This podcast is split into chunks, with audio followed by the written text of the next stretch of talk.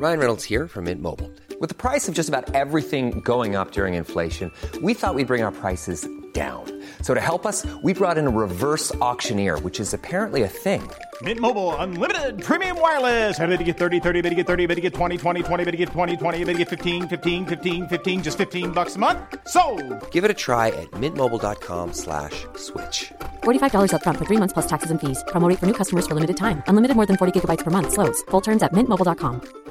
Mom deserves the best, and there's no better place to shop for Mother's Day than Whole Foods Market. They're your destination for unbeatable savings, from premium gifts to show-stopping flowers and irresistible desserts. Start by saving 33% with Prime on all body care and candles. Then get a 15-stem bunch of tulips for just $9.99 each with Prime. Round out Mom's menu with festive rosé, irresistible berry chantilly cake, and more special treats. Come celebrate Mother's Day at Whole Foods Market. Hiring for your small business? If you're not looking for professionals on LinkedIn, you're looking in the wrong place. That's like looking for your car keys in a fish tank. LinkedIn helps you hire professionals you can't find anywhere else, even those who aren't actively searching for a new job but might be open to the perfect role. In a given month, over 70% of LinkedIn users don't even visit other leading job sites. So start looking in the right place. With LinkedIn, you can hire professionals like a professional. Post your free job on linkedin.com slash people today.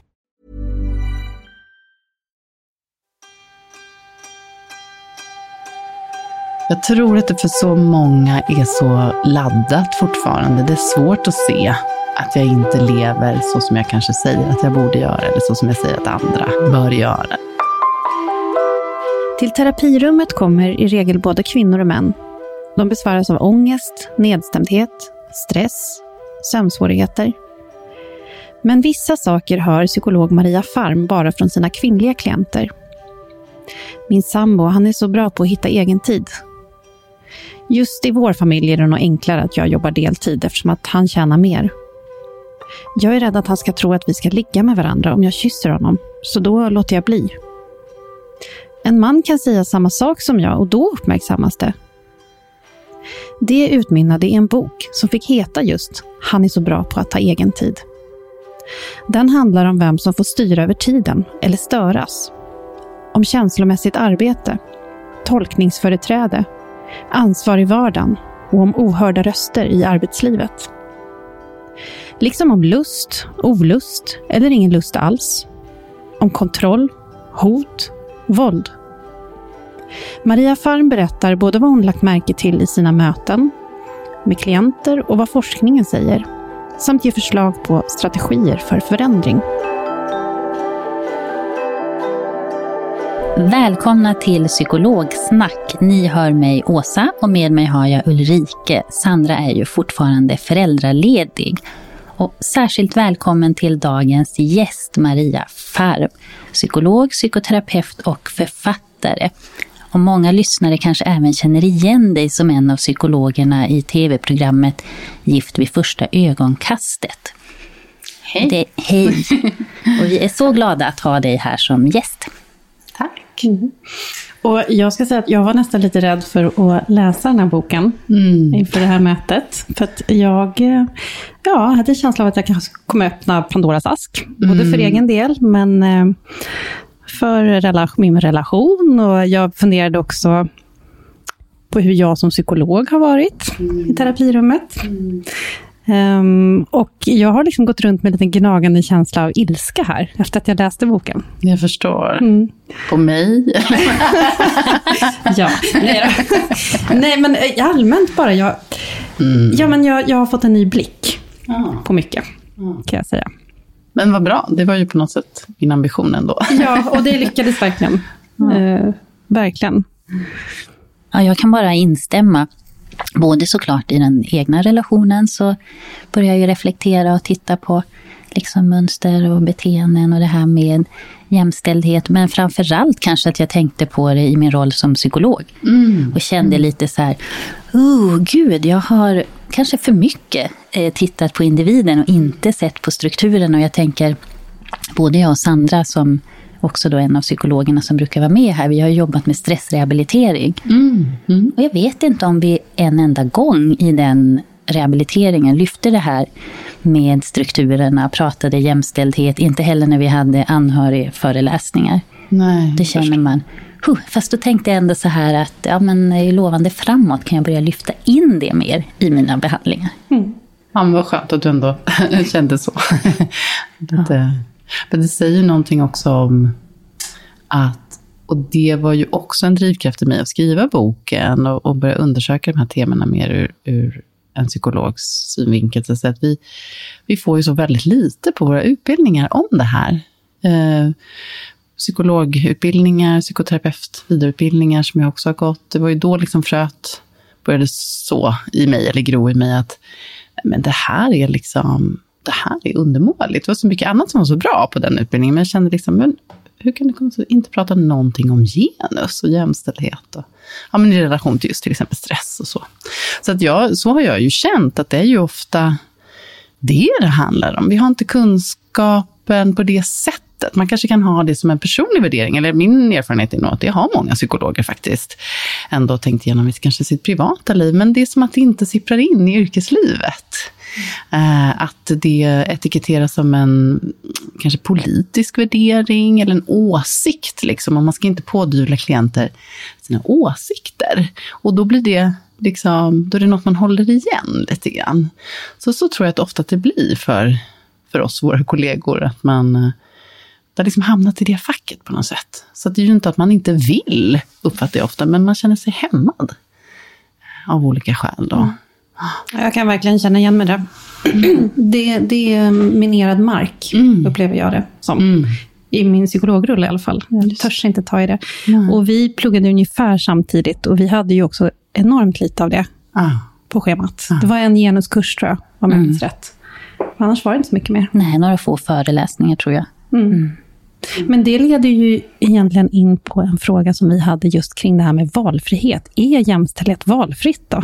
Nej, men om, om vi med genus menar eh, jämställdhet mellan könen eller liksom en medvetenhet om, om att vi inte är där än i samhället och kunskap om könsroller och hur det påverkar oss och sådär.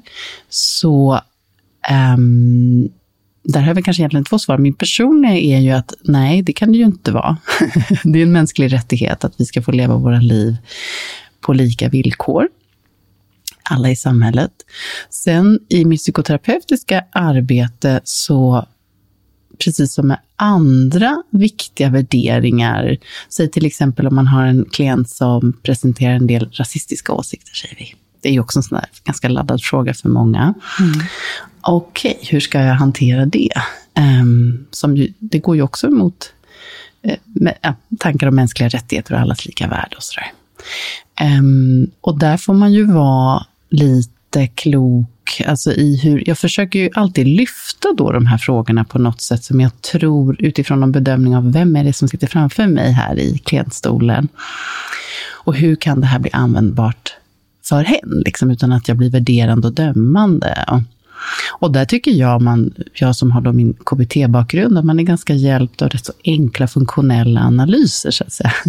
Hur funkar det för er med den här arbetsfördelningen hemma i relation till din stress till exempel? Eller eh, hur funkar det att vara misstänksam från män, med, med, gentemot människor från andra kulturer hela tiden? Hur blir det för dig och dem? Alltså sådär att man, man behöver ju kunna jobba med det samtidigt. Det går ju aldrig i, i terapi att om ni förstår vad jag menar, pådyvla någon en åsikt, då kommer ju personen, och med rätta faktiskt, sätta sig på tvären och utöva rätten till sin egen vilja och autonomi. Och det kan ju vara någonting sunt i grunden, men alltså att vilja eh, göra det. Men av någon anledning har personen landat i de här värderingarna och det gäller ju för mig då som psykolog och terapeut att bli lite nyfiken på det också.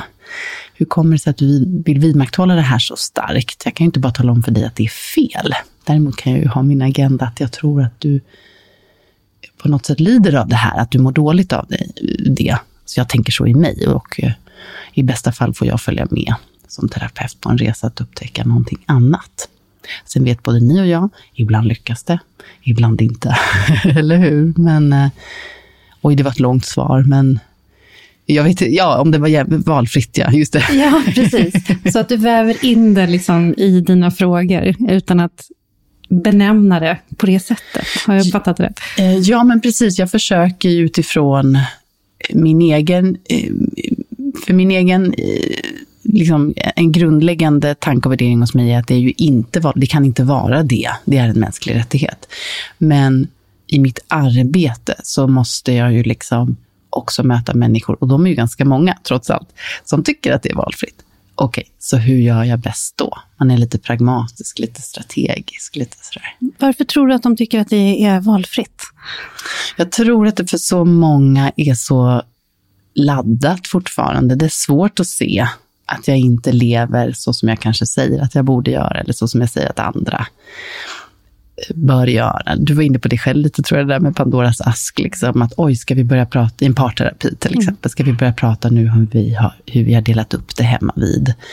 Jag vet ju någonstans att det inte är 50-50. Och väldigt många kvinnor också kan ju känna skam över det. Det blir en sån här dubbel börda. Nu är jag inte en duktig feminist, fast jag säger att jag är det. Eller mm. liksom, så att jag tror att det väcker så mycket skam. Och skam är ju liksom, det är den värsta känslan folk mm. eh, kan ha, eller hur den vill de snabbt komma undan. Vi, vi gör mycket för att liksom skydda oss själva från skam, så då mm. kan det bli de här eh, reaktionerna, tycker jag, att äh, det är våra individuella val, eller inte just vi, eller jag behöver inte, eller alla de här rationaliseringarna.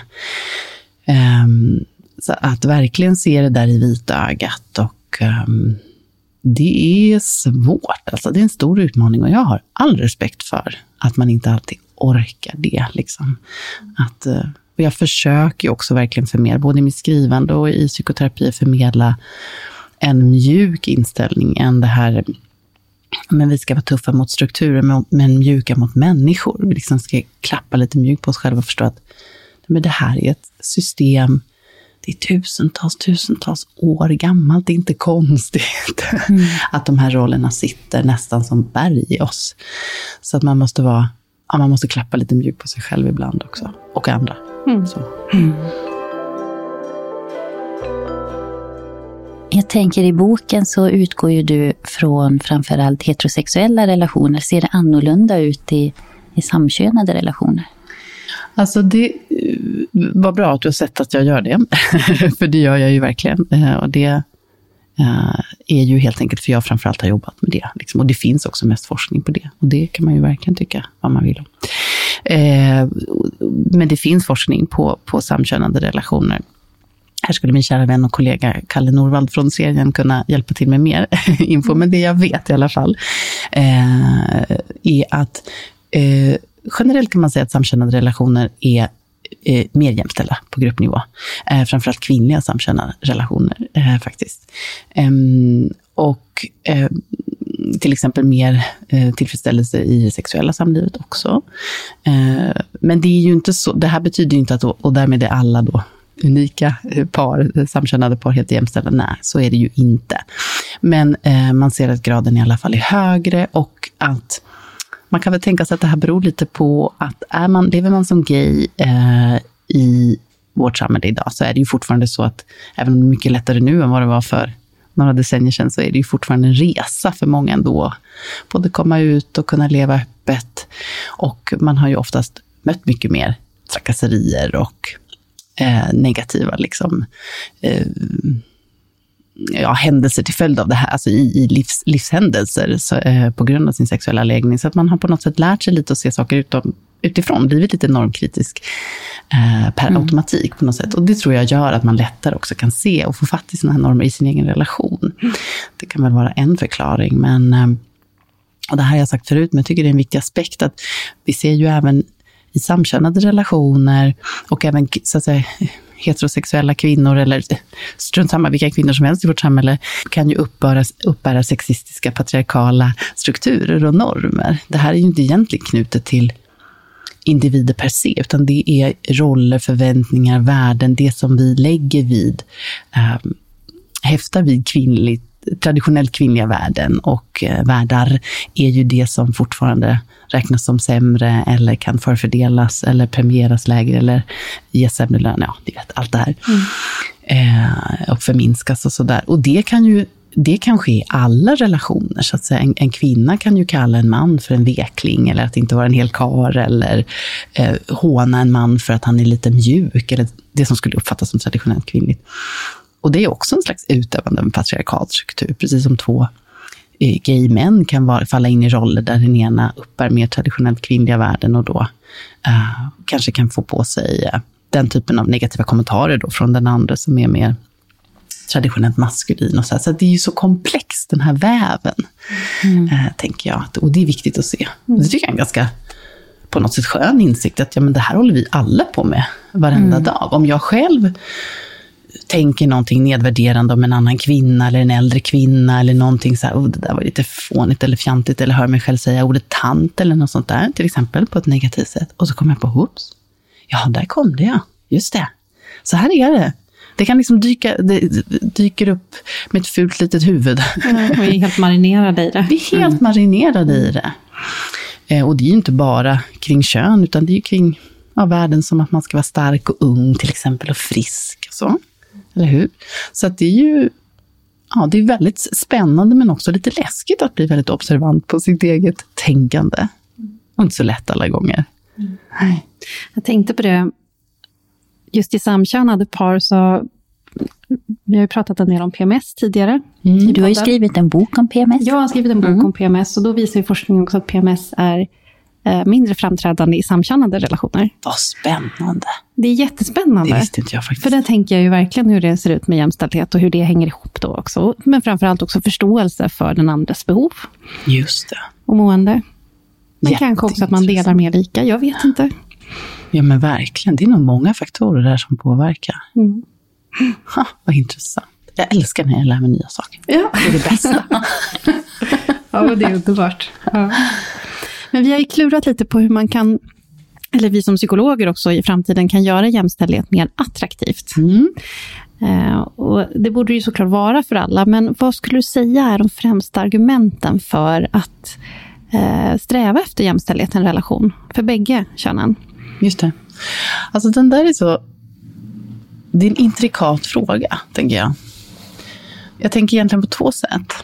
Å ena sidan så är jag så här, det ska inte behövas. Nej, Nej exakt. Mm. Alltså det är en mänsklig rättighet, punkt. Mm. Eh, så. Eh, lite som när man ska motivera att det ska in fler kvinnor i ledningsgrupper, eller ni vet, så här att, mm. för att då tar vi bättre beslut och då tar vi... Och, och då kan jag känna att man villkorar, okej, så säg att vi får in 50-50, så visar det sig att besluten blir ungefär de samma. Vilka kommer få skulden då? Jo, kvinnorna. Som kommer få så här, men ni skulle ju komma in med mjuka, härliga värden och tänka på mångfald och, och få upp eh, eh, resultaten här, pengarna vi tjänade. så det är lite farligt. Alltså poängen är ju egentligen att vi är alla värda det här för att vi är människor. Mm. Så att vi, vi ska egentligen inte behöva sälja in det. Det är väl på något sätt en grundtanke jag har. Sen har man den här pragmatiken i sig, som hon som är terapeut också, då, när, som de här klienterna jag pratade om nyss, där om man får en klient med, med eh, lite extrema åsikter, och så här, hur gör jag då? Ja, jag tänker ju också liksom att det, att det här fortfarande behövs. Vi behöver sälja in jämställdhet. Vi är liksom fortfarande där på något sätt. Eh, och eh, ja, ibland får man väl ha två tankar i huvudet samtidigt. Man kan ju både faktiskt berätta om de här känslorna man har. Att nu när du säger så här, varför ska vi bli mer jämställda, kan jag bli ledsen. Därför att varför skulle jag inte vara lika mycket värd som du eller min tid, min egen tid till exempel, premieras lika mycket som din om vi pratar om en relation. Det tycker jag man kan lyfta, bara bli, att man blir observant på att man har den tankefiguren någonstans. Mm. Man ska förtjäna det eller man ska mm. komma med en bra liksom, införsäljningsargument. Och så kan man samtidigt säga att det här behöver vi se som en gemensam fråga du som man, då, om vi tänker oss att den här diskussionen förs med en man, eh, kommer också tjäna på det här. Du kommer få ett bredare känsloregister, du kommer bli närmare dina barn, vi kommer kanske få ett bättre sexliv. Uh, du kommer vara mer rustad efter en separation att kunna ta hand om dig själv, om du nu skulle komma till det. Um, livet blir ju mer mångfacetterat, det vet vi ju att äldre män som blir ensamma till exempel har ju färre vänner, eh, tar färre egna initiativ, har svårt att klara sig själva känslomässigt och relation. Och det är såklart att det inte är av naturen givet att det måste bli så, utan det är ju deras roll som eh, begränsar dem där. De har liksom lärt sig att satsa på inom vissa områden och nischer i livet. Och, och sen när de blir äldre och, och kanske utan en relation eller inte så många tajta vänskapsband så mår ju de ganska dåligt av det. Mm. Så det tycker jag är en, en viktig poäng, att det faktiskt är, är något som vi alla eh, tjänar på. Att liksom bredda registren och eh, våga se vilka vi är utanför de här traditionella eh, könsrollerna. Att det, det, liksom, det är faktiskt bra för alla. Mm. Så på lång sikt så gynnar oss alla. Om ja. vi vågar ta i det nu ja. i stunden. Just det.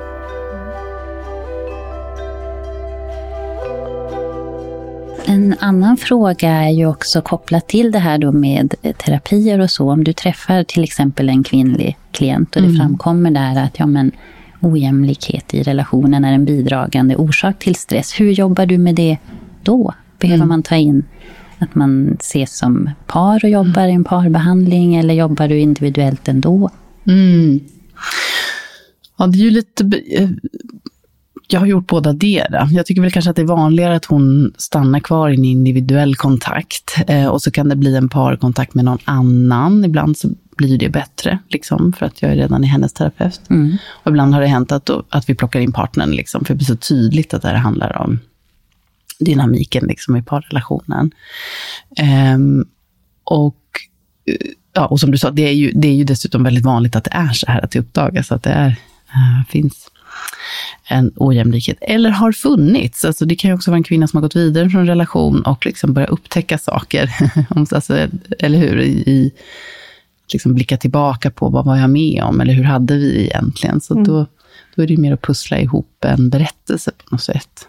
Det beror ju lite på förstås från klient till klient, men, och en del kan komma ganska pålästa själva och andra mycket mindre, så det får man ju anpassa förstås. Och de som så att säga, teoretiskt kan mycket, där kan det ju finnas en, en, ja, men just en skam, men varför har inte jag lyckats bättre? Jag vet ju om det här. Mm. Och då kan ju interventionerna från min sida bli annorlunda just kring att eh, hantera den känslan då och börja omsätta i praktik det som hon egentligen redan vet.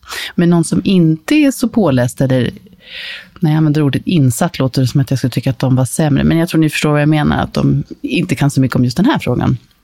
Då är det ju också om att, att gradvis informera och berätta. Och då får man ju så att säga, dosera det på ett klokt och vettigt sätt, så att det kommer i lagom doser och vid rätta tidpunkter och att man ber lite om samtycke, eller skulle jag kunna få berätta lite om det jag vet om till exempel stress och jämställdhet och hur vi fördelar saker hemma. Eller nu när du beskriver det här, den här situationen med din man, så ibland så använder jag mig liksom av andra klienter utan att avslöja något närmare om dem. Men så, här, så tänker jag på en annan kvinna som berättade lite liknande och hon var hjälpt av det här. Du, du, du, du, du. Tror du att det skulle kunna passa er? Att man liksom lämnar det som ett erbjudande på något sätt om mm. kunskap eller ett nytt tankesätt. Och ibland har jag ju avslöjat någonting om mig själv, liksom snyggt paketerat och bearbetat och inte för att vi ska prata om mig, utan mer att um, sådana här reflektioner gjorde jag också när jag separerade och, och det var hjälpsamt att tänka lite på det här sättet. Alltså så att man också visar att man själv sitter i den här båten, i, mm. i den här strukturbåten. Och, och mm. Kanske blir mer jämlikt också i terapirummet, tänker Exakt. jag. Att vi som psykologer är ju också människor som åker med den där båten och kämpar med mm. olika utmaningar i olika perioder Precis. i livet. Mm. Det är ju verkligen en uttalad ambition många gånger, just att, att plocka ner det där också. Att jag visst, jag har mina teorier och min kunskap och sådär, men klienten är ju expert på sig själv och en del av den feministiska psykoterapitraditionen från USA, som är en slags integrativ man kan egentligen inte kalla det en metod, utan det är mer ett synsätt som man kan försöka införliva i, i den terapibildning man nu är skolad i, så att säga, är, är, lyfter ju det här också just att, att eh, synen på self-disclosure, eller liksom att uh, hoppa, hoppa av, om man nu sitter på en sån, någon slags tron av auktoritet, på, som kan bli på ett väldigt negativt sätt för en klient som kanske, jag menar många av dem vi träffar har ju redan varit utsatta för, eh, det kan ju vara rena övergrepp eller värre än så, men det kan ju också vara just en känsla av att varit underordnad eller um, inte blivit lyssnad på och inte tagen på allvar, förminskad. Och då vill vi ju verkligen inte upprepa det i terapirummet, att hen ska känna sig um, tillsagd eller lite klappad på huvudet. Mm. Så det tycker jag är en jätteviktig poäng. Det är inte bara ett synsätt, utan det är faktiskt en intervention i sig. Liksom. Mm. Det som, det som rörde, mig väldigt, alltså rörde mig väldigt mycket, det var just det här med vem som sätter standarden mm. i en relation. För vad som är en godtagbar standard i hemmet, mm. hur man sköter barnen, hur man samtalar om sin relation, eller vem som tar ansvaret för att ta upp frågor mm. kring relationen. Och just allt det här fluffet, mm. att göra det trivsamt och sådär. Um, för det kan jag känna igen mig i väldigt mm. mycket. Att mm. det är ett arbete mm. och det pågår 24 timmar om dygnet, mer eller mindre. Verkligen. Om inte praktiskt så tankemässigt. Mm. Både det här emotionella ansvaret och eh, jag tror att du pratar om det i boken också med projektledningen. Mm. Och det kom ju en bok, var det på 90-talet? Eller, ja. Jag var lite för ung för den då tror jag. Mm. Hemmets skrevs om det. ledare säger upp sig. Precis. Sånt där, ja. liknande. Ja. Precis. Mm. Nej, men att det, att det förbises. Och då uh, pratade jag faktiskt med min mamma om det, som är född på 40-talet. Mm. Och vi pratade om vem sätter standarden? Mm. När är det bra nog? Därför att man ofta som kvinna får höra att du måste sänka kraven. Mm. Det är kanske också någonting vi har sagt till våra patienter eller mm. klienter. Du måste mm. sänka kraven. Mm. Låt tvätthögarna ligga. Mm. Gå och ta ett glas vin istället. Mm. Ja, men det är ju lätt för oss att säga. Men någonstans så finns det ju någon slags, ja, eller gör det det? Finns det någon standard som man skulle kunna enas kring? Gud vad bra det skulle vara. vi hittar ja, på en standard här idag. Två gånger i veckan ska det dammas. Precis. Nej, förlåt, jag skojar lite. Men, nej, men det är en jättekomplex fråga och den är ju inte enkel, eller hur? Och jag känner så väl igen det här, men du måste sänka kraven. Alltså, jag har också sagt det historiskt. Uh, och tänkt det ibland själv och så vidare. Men det som för mig blev en ögonöppnare de senaste åren och arbetat med boken och även då det Eh, det exjobb jag gjorde på psykoterapeututbildningen innan som liksom ledde vidare till vad som blev egen tid och eh, min egen feministiska resa, måste jag säga, är egentligen inte jättenya tankar, men de blev nya för mig när jag liksom paketerade in det i jobbet, eller i synsättet på det här är eh, Karin Holmberg, skrev, en sociolog, skrev en bok för typ runt 30 år sedan, eller hon populariserade sin avhandling, eh, det kallas Kärlek, om, som ju var en intervjustudie på barnlösa par, heterosexuella, som också, jag tror att de dessutom definierade sig som jämställda liksom, utåt. Så. Jätteintressant. Och man kan säga att hennes huvudpoäng är att eh, de här paren, även kvinnorna i paren, etiketterar, så att säga, namnger det som hör till relation, alltså just det här som du sa, fluffet. Alltså att eh, bekräfta varandra, lyssna på varandra, höra varandras behov, planera, komma ihåg. Just det, nu på fredag, vi skulle ju hem till eh, eh Katja och Sven här och eh, vi ska ha med oss något, vem köper den presenten? Allt det där hamnar på henne därför att han ska inte behöva ta i det, eller det liksom ligger utanför det som är eh, normalt. Så att säga. Hans, hans nivå, apropå vilken nivå ska vi ha? Eh, hans nivå blir standard, för att om man säger att någonting är, ja men det där du har sådana kontrollbehov, eller du har sådana kontrollkrav, eller du har överdrivna krav, då har man ju bestämt att de kraven då ligger över en nivå, eller hur? Annars skulle man inte säga att någon har överkrav. Eh, och underförstått då över en norm, så att säga. Och normen blir ju då hans. Om det genomgående är så att hon alltid, ja, nej men jag vill ju eh, tvätten liksom ska vikas och läggas in i, i lådorna också, inte bara ligga utanför sen i tvättstugan eller liksom, jag, eh, jag tycker att vi ska diska varje dag, eller jag vill inte äta halvfabrikat, eller så men jag vet, jag har lite överkrav, så då får jag göra det. Mm. Mm. Ja, det är okej. Okay. Och dessutom kan man ju faktiskt också göra så då att man, blir, man paketerar om det där till någonting som eh, nästan är lite schysst. Att han låter henne liksom, härja fritt där och snygga till och puffa, fast man behöver ju egentligen inte det. Mm. Hon är ju så bra på det också. Ja, hon är ju så bra på det dessutom. Mm. Och ju mer hon gör av det, desto bättre blir hon. Så desto mer cementerade blir de här rollerna. Um, och eh, Karin Holmbergs poäng då, jag hoppas att jag förstår henne rätt eh, i det här, är ju att även kvinnorna har ju införlivat det här. Man accepterar det som överkrav. Det är en relation som faktiskt är fullständigt normala och eh, rimliga krav i en relation om vi vill äta något sån här vettig mat, ha det tillräckligt rent hemma, ta hand om våra sociala kontakter. Sociala, eh, eh våra medmänniskor är ju viktiga för oss, det är band vi behöver vårda. Eh, och att etikettera det som överkrav är ju att själv ha införlivat eh, sig som undantaget eller hon som eh, ska sköta allt det här utan att liksom, kompenseras för det på något sätt. Eller hon kan inte alls förvänta sig samma sak av honom. Eh, han är normen och hon avviker mm. från normen. Och då, har ju, då är ju hans modell standard. Och det där tycker jag det är så himla intressant. Det här att om man, om man vänder på det och ser, eller tittar med de glasögonen i en terapi, eh, när kvinnor säger så, eller får höra att ja, men du har sådana kontrollbehov, då lägger man ju, då, då säger man ju det. Då är det hon som avviker. Eh, det är hon som behöver förändras och problemet hamnar hos henne. Mm. Eh, jag lyssnade på en radiointervju häromdagen ehm, eh, Eh, med en god vän till mig, Sandra Lindström och Ann Heberlein som skulle diskutera jul och så. Och Ann Heberlein hävdade att kvinnor måste dra ner på kraven och släppa in männen. Och Sandra Lindström eh, hade andra tankar kring det, om att det är mer, man behöver dela eh, jämställt på julen och jobba tillsammans. Mm. Eh, och det där synsättet, eh, just det här att om, om allt, ja, men det är kvinnorna som behöver släppa på kraven och kontrollen och släppa in och så här. Det, nu blir jag lite politisk, men det tjänar systemet. Den föreställningen om att det är hela tiden vi som ska släppa upp på kraven och det är vi som ska bjudas in till radiosalonger och diskutera det här. Mm. Och det, det är vi som för den här debatten hela tiden vidare, eller liksom håller på med det här, lämnar systemet oförändrat. Mm. Normen, så att säga, blir oförändrad. Eh, om vi hela tiden lägger det på kvinnorna. Istället för att vända blicken och säga, vad vinner män som grupp på allt det här? De vinner massor. Mm. De vinner tid, de vinner plats i de där styrelserummen. De vinner att någon tar hand om barnen i större utsträckning än vad de gör. De tjänar en fruktansvärd massa mer pengar än vad vi gör på detta. Mm. Och de får liksom social omvårdnad och omsorg. Det får inte vi på gruppnivå. Mm. Vi mår sämre i relationer än vad vi gör när vi är singlar.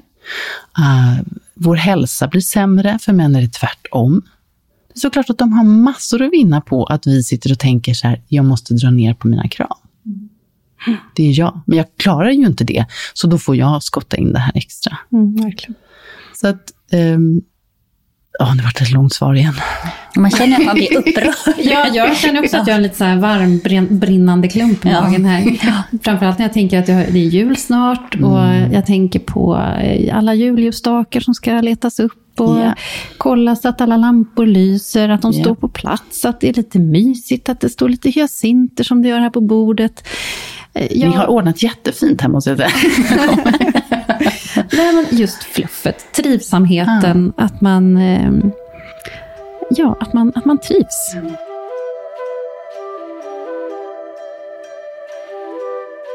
Och det handlar ju också, tänker jag, som när jag kommer in här så känner jag så här, men ni har tänkt på mig. Jag har tänkt på att jag skulle komma hit, att det ska finnas fika, att det ska vara trevligt så att vi kan ha ett bra och spännande samtal. Om jag hade kommit hit och inget av det här hade funnits, det hade säkert blivit ett tillräckligt bra samtal ändå. Men jag hade verkligen känt det annorlunda. Mm. Och det är en kompetens att ha. Det är liksom ett relationsarbetande att ha, som kommer så många människor till gagn. Mm. Och jag tycker också att det är häftigt att det nu är i den feministiska debatten, för det är det ju trots allt, det är uppe på bordet. Liksom. Vad, vad är det kvinnor så ofta gör, som kommer så många till gagn, som faktiskt är helt samhällsbärande. Liksom. Mm. Vi, vi, ingen skulle ställa upp på att plötsligt sluta fira jul. Nej. Alltså det är ju det, det är liksom inte ett uh, option, mm. uh, vilket kan... Ibland framställs det ju nästan så, ja, men strunt i det då. Alltså att man får det som råd, att gör inte allt det där då. Mm. Okej, okay, så är du beredd att tala om för dina barn att det blir ingen jul i år? Därför Inga julklappar, ingen julgran. ingen kommer pynta. Det blir lysrör i taket. Ja, ingen kommer köpa presenter och ingen kommer se till att det finns lite julmat. Ja, exakt. Ja. Vi streamar något från Netflix istället. Ja. Mm. Och det är ju det som är det är ju där allting ställs till sin spets, eller på sin spets. Mm. Om vi nu backar, om vi nu släpper det här, mm. kommer det då drabba barnen? Mm. Jag tror att många kanske tänker så, att ja. så här, okay, men de kommer gråta, de kommer inte mm. få något stöd. Alltså också förutfattade meningar omvänt. Mm. Mm. Där lyssnade jag på eh, Kakan Hermansson och Britta Zacker i deras podd Ofult hemma. Och då pratar de just kring det här med det här fluffet och ansvarstagandet mm. och så. Kring Lucia och komma ihåg lusselinnen och allt som ska med och sådär. Och att så här hindrades av det här att men det kommer gå ut över barnen. Mm. Vad, vad kan man göra där och hur kan man förhålla sig till det? För som du säger, det är vanligt, och det måste ju vara vanligt mm. för dina klienter också, tänker jag. Gud ja, det är nästan ett av de vanligaste skälen, ja. tycker jag. Att man liksom bromsar sig eller ändå eh, gör allt det här som eh, man egentligen mår dåligt av eller stressar av, eller inte tar den där eller man tar konflikten, men sen går man inte hela vägen ut i den, för att man blir så rädd för att det ska gå ut just över barnen. Och det, för att vara helt ärlig, det är såklart att det, det, det, kommer ju kunna göra det. Det har ju potentialen att göra det, eh, definitivt. För mig som terapeut skulle jag nog då så att säga, tydligt rama in eh, utmaningen som just en utmaning inom relationen. Det här måste vi hantera inom liksom, pardynamiken. För det, är, det handlar inte bara om om dig och i din roll som mamma, utan det är i allra högsta grad hans roll som, som pappa också. Vi måste liksom adressera det på det sättet och prata om värderingar vi vill förmedla till våra barn och liksom ta ett gemensamt grepp kring det verkligen. Um, så att det, det, är ju liksom grundförutsättningen. Sen är jag inte naiv. Jag vet att det, alla får inte till det. Och det här är ju också ett av skälen till många separationer idag, tycker jag. Att hon ger upp liksom, eller känner att det här det här funkar inte. Um, det, det, är bättre då att jag får ha dem halvtid och du halvtid. Och så får vi liksom göra på olika, på olika sätt. Slipper um, man den frustrationen i alla fall, de, ja, de men veckorna faktiskt. när man har barnen. Ja, uh, precis. Mm. Um, och sen såklart vill jag ju också säga att det är, det är ju något som går att arbeta kring och att det, det är ju något, ett tema som ändå många lyfter i parterapier som det kan vara tufft och tungt arbete för många, men, men det, det, är såklart att det går. Men man måste ju se det som en, en relationsgrej. Liksom. Det är inte accepterat, tycker jag, ha som inställning som pappa att nej men jag, mitt föräldraskap är förhandlingsbart. Så att säga. Jag, jag förhandlar mig ur de här situationerna. Jag glömmer bort att det är Lucia den 13 december. Det är inte så viktigt mm. för mig. Då har han ju fastnat i sig själv och ser inte sin roll som pappa eller vårdnadshavare eller tar barnens perspektiv. Mm.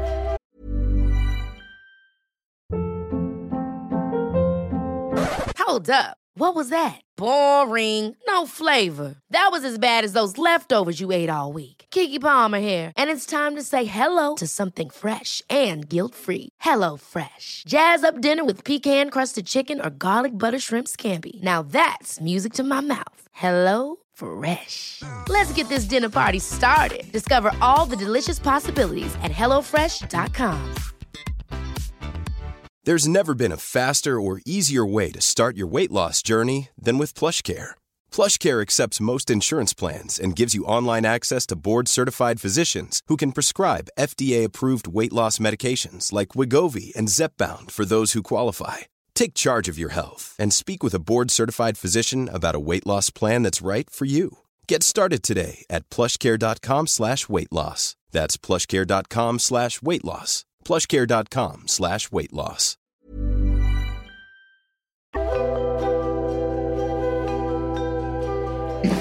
Nej, men eh, jag tänkte på en av de här frågorna som vi kanske hade identifierat i början. Eh, för du har ju, Maria, varit med i en rad olika ja, men poddar och intervjuer i anslutning till eh, din bok. Mm. Vad skulle du säga, liksom, mm, finns det några frågor som du önskar att du skulle få oftare, som ingen ställer? Wow. Du, ibland säger man att det var en bra fråga för att vinna tid. Men nu säger jag så här, det var en bra fråga för att verkligen... det var en väldigt, väldigt bra fråga. Um, ja, men generellt kanske um, män och jämställdhet, alltså prata mer om uh, män egentligen. Jag vill inte prata mindre om kvinnor, det är inte så, men det är ju frågor jag ofta får. Så att, att prata mer om, om, om män och jämställdhet skulle jag ju tycka var spännande. Och, eh, mansrollen, liksom, och vad, vad sitter mina manliga klienter med? Alltså som går i de här eh, banorna också. Det tycker jag är spännande. Det kan ju finnas mycket av, av um, rädslor där, mycket av en inre ensamhet som de kan bära på. Um, ångest och oro, vad händer om jag delar med mig av det här? Kanske inte bara till min partner, utan till vänner eller en um, dålig relation till sin egen pappa. Liksom vad, hur bygger jag en föräldraroll? Jag tänker att männen ju på gruppnivå ligger efter oss kvinnor. Vi har ju liksom trätt ut på arbetsmarknaden de senaste hundra åren. Och införlivat mycket i vår roll. Vi har inte tagit bort så jättemycket egentligen, men vi har ju tagit in mycket nytt, eller hur? De flesta yrkesarbetar och eh, eh, jag menar, vi kan rösta och vi kan ha våra egna pengar och vi kan allt vad vi kan. Mansrollen har inte förändrats i samma utsträckning. Det är såklart att den är förändrad, det är den ju, men och, och som psykolog och terapeut kan jag ju se att en del män verkligen behöver stöd i det. Hur, jaha, men hur gör jag då? Mm. hur är man en jämställd pappa till exempel, eller en partner som eh, är lyhörd? Eller, och jag tycker det händer ju så mycket i vår tid nu liksom kring ja, men den här samtyckeslagstiftningen och hur är det att liksom, okej, okay, wow, vad innebär det för sex och samlivet och hur, hur ska en man vara i sängen till exempel? Det kan väcka väldigt mycket osäkerhet också. Mm. Hur tar jag initiativ? Hur visar jag intresse? Vad får man, vad får man inte göra? Alltså sådana där frågor. Det är ju skitintressant. Upplever du att, de, att det finns en törst efter det? Ja. Dina manliga klienter? Ja, absolut. Men de kan nästan själva ha svårt att sätta ord på det ibland också. Att det, att det är lite, man får hjälpa dem att dra lite i det, för att det är så... Ja, dels kanske de förstår att det blir laddat, eller att de knappt har formulerat frågan själv. De kan komma liksom och berätta en situation som, där jag förstår att det tagit deras kvinnliga partner var ganska frustrerad över någonting, men de kanske inte riktigt förstår vidden av det, eller de spelar ner det inför mig, eller liksom de har inte riktigt de där redskapen att ta det vidare. Och jag kan känna så här, oops, här har vi verkligen, om vi inte tar tag i det här nu, eller du inte fördjupar den här diskussionen med henne, eller liksom det här förändras i relation, så kan jag kanske både som kvinna och psykolog tänka så här, mm, det kommer inte att sluta bra. och han förstår inte riktigt det. Han, han kan känna att någonting är lite skaver, men hur ska han möta henne i det? Alltså, det är ju oftare man upplever hos manliga klienter, tycker jag, att de bara liksom fryser på något sätt. Alltså, jag menar metaforiskt, ni vet, som fight, flight or freeze. Liksom, Okej, okay, nu är saker inte bra. Jag bara liksom, stay put, gör ingenting, rör ingenting. Typ. så, så löser det sig, kanske. Mm. Och det är väl utifrån någon slags osäkerhet, tänker jag, eller liksom okej, okay, om jag förändras, vad blir det bättre? Det kanske bara blir värre. Jag vågar inte. Alltså, mm. det där tycker jag är väldigt... tror, du att, tror du att det kommer vara annorlunda för kommande generationer? Kommande generationers män? Jag hoppas ju det och jag vill ju tro det. Men jag tänker att vi har en bit kvar. Jag hör ju på mina döttrars berättelser som är i tonåren. Ibland tänker jag så, ja, det är lite bättre än när jag var i tonåren. En del har inte förändrats särskilt mycket. om sexistisk jargong i skolan, man ska vara tuff och cool bland mm. killarna. Eller liksom. Eh, jag märker att de kan bli besvikna. De kan bli besvikna på sina killkompisar, komma hem och känna så här, är det där alltså? Ledsna och undra liksom hur, vad det där står för egentligen. Och kan jag vara kompis med honom eller ännu mer om jag skulle vilja, vad innebär det liksom? Så det, vi är ju inte framme alltså.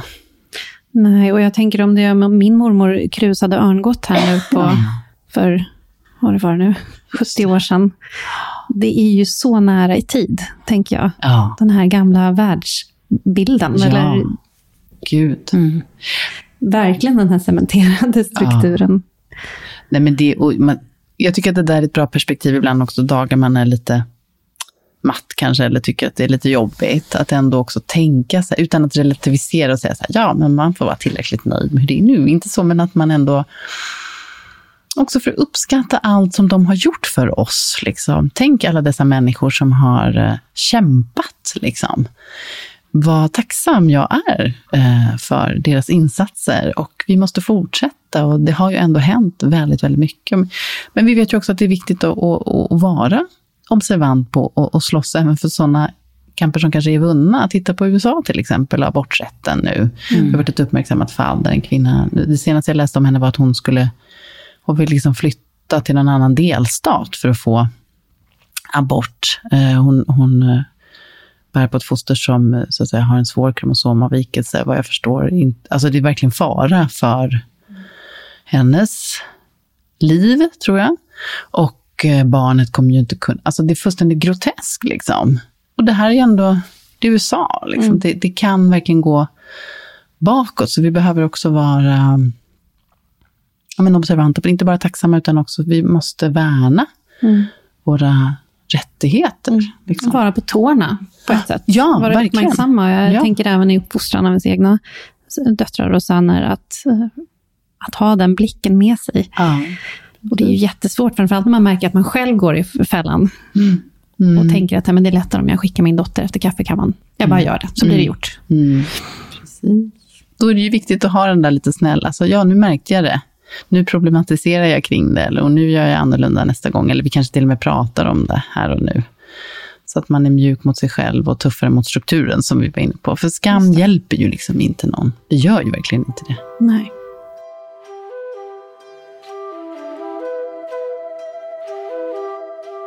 Vi hade ju en annan fråga också. Dels den här, vad önskar du att du fick prata mer om?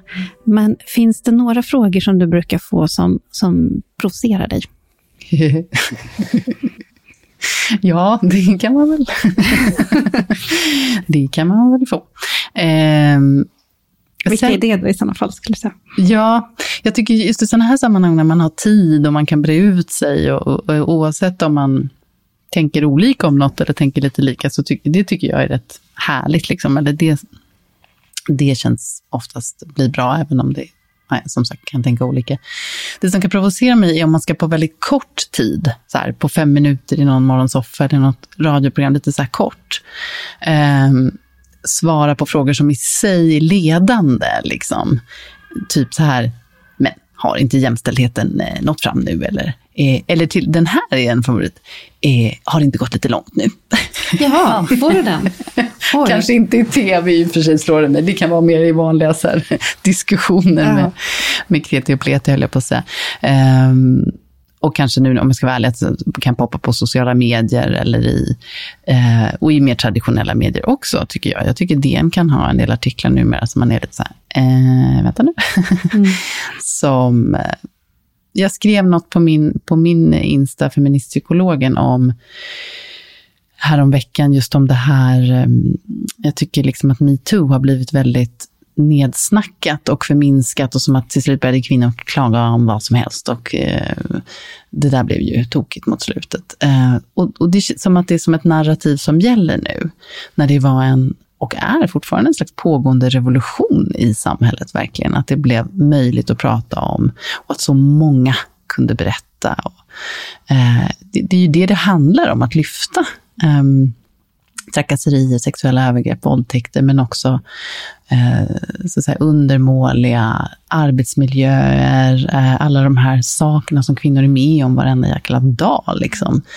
eh, och kommentarerna man får. Att det, det var ju det metoo handlade om. Och jag tror, om man ska vara lite maktkritisk, att, att om man eh, så att säga, nu vill saluföra att det gick lite långt eller eh, ja, men nu har ju allt blivit bra och så där, då missar man ju den revolutionära kraften i den rörelsen. Som, vi är ju fortfarande inte där än.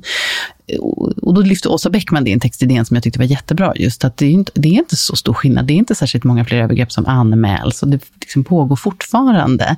Det har blivit bättre, ja, men vi ska akta oss för att liksom slå oss till ro. Och det tyckte jag var väldigt bra. Det blev jag glad över, för att ehm, det är viktigt att fortsätta den kampen. Liksom. Så de kvinnorna som vågade gå ut och berätta öppet och så inte står ensamma i det, utan vi, vi skördar ju frukterna av det nu. Och det ska vi fortsätta att göra, tänker jag. Vi ska inte förminska det och säga att det handlade om typ om arga och lättkränkta tjejer, för så tycker jag ibland att det, så kan en del krönikörer och kolumnister raljera lite, som att vi ungefär så här, alla tycker det. Nej, jag tycker inte det. Jag tror jag, nu gled jag bort, men lite så saker som kan provocera mig. Sånt där kan provocera mig. Eller att en del säger så här, men nu får vi släppa ordet feminist. För att det, alla har ju blivit feminister ungefär. Och då kan jag bli så här, i vems intresse tror du att du agerar nu? Vems ärenden går du om du köper föreställningen om att vi kan släppa feminism som samhällsrörelse? Ja, det är ju inte jämställdhetsarbetet. Det finns inte ett enda jämställt land i hela världen, alltså enligt alla mätningar. Eh, så berätta för mig liksom varför vi behöver släppa feminismen. Eh, den är ju fortfarande lika viktig och eh, engagerande. Sånt där kan irritera mig. Men det kanske inte är frågor, utan det är mer inställningar hos folk. Att det är som så här, nu går vi vidare till någon annan viktig fråga. Mm. När det här ändå drabbar hälften av jordens befolkning. Ja, men verkligen. Och liksom är en rörelse som också, som ju handlar också till stor del om eh, även andra viktiga samhällsfrågor som klimatet eller liksom eh, hur vi, alltså roffarmentalitet eller att vi liksom hierarkier som inte tjänar alla utan några få. Det är mm. faktiskt också frågor som handlar om jämställdhet och jämlikhet. Och, mm. mm. Så att det där kan jag bli upprörd över när man lite slentrianmässigt och med ganska låg kunskap i ämnet raljerar mm. i till exempel stora dagstidningar. och som du säger, det är ju en mänsklig rättighet. Ja, precis. Mm, verkligen. Jag tycker en bra motfråga ibland är när någon ska hålla på och få en att säga att, man, att det är färdigt nu eller tillräckligt bra. Så kan man säga så här, men vad är problemet för dig med att män och kvinnor skulle ha samma rättigheter, skyldigheter och möjligheter? Berätta för mig varför det är ett problem för dig. Mm. Det finns ju så otroligt mycket att prata om här. Vi har så många frågor. ja. Det tar aldrig slut. Men mm. Vi är så himla glada för att du eh, var med oss idag. Det var ju bara jättekul. Vi kan ju typ göra om det igen. Ja, vi, vi kan ta en del två, verkligen. Gärna. Och hur skulle om man vill komma i kontakt med dig, hur gör man då? Mm. Ja, men då kan man, man kan mejla. Eh, jag har info.mariafarm.se eller besöka just feministpsykologen på Insta, skicka ett meddelande där. Eh, får man jättegärna göra. Absolut. Mm. Så stort eh, tack för att du har gästat oss idag. Vi får väl se, kanske blir ytterligare något avsnitt. Det här är ju verkligen ett engagerande ämne och vi mm. som sagt, vi har nog mer än hälften av alla våra frågor kvar. det gör jag igen. Och läs gärna boken. Han är så bra på att ta egen tid av dig, Maria Farm. Mm. Den kan vi varmt rekommendera. Den har ju ställt en hel del på ända på ett positivt sätt mm. i våra liv. Mm. Och den finns ju både som vanlig eh, bok att läsa, men också som ljudbok. Jag har till exempel lyssnat på den, tycker det är ett skönt sätt att ta till sig litteratur. Mm. Fint. Och tack till dig som har lyssnat idag och prenumerera gärna på podden och följ oss på Instagram där vi heter Psykologsnack. Och vi är tillbaka i nästa vecka med ett nytt avsnitt. Tack och hej.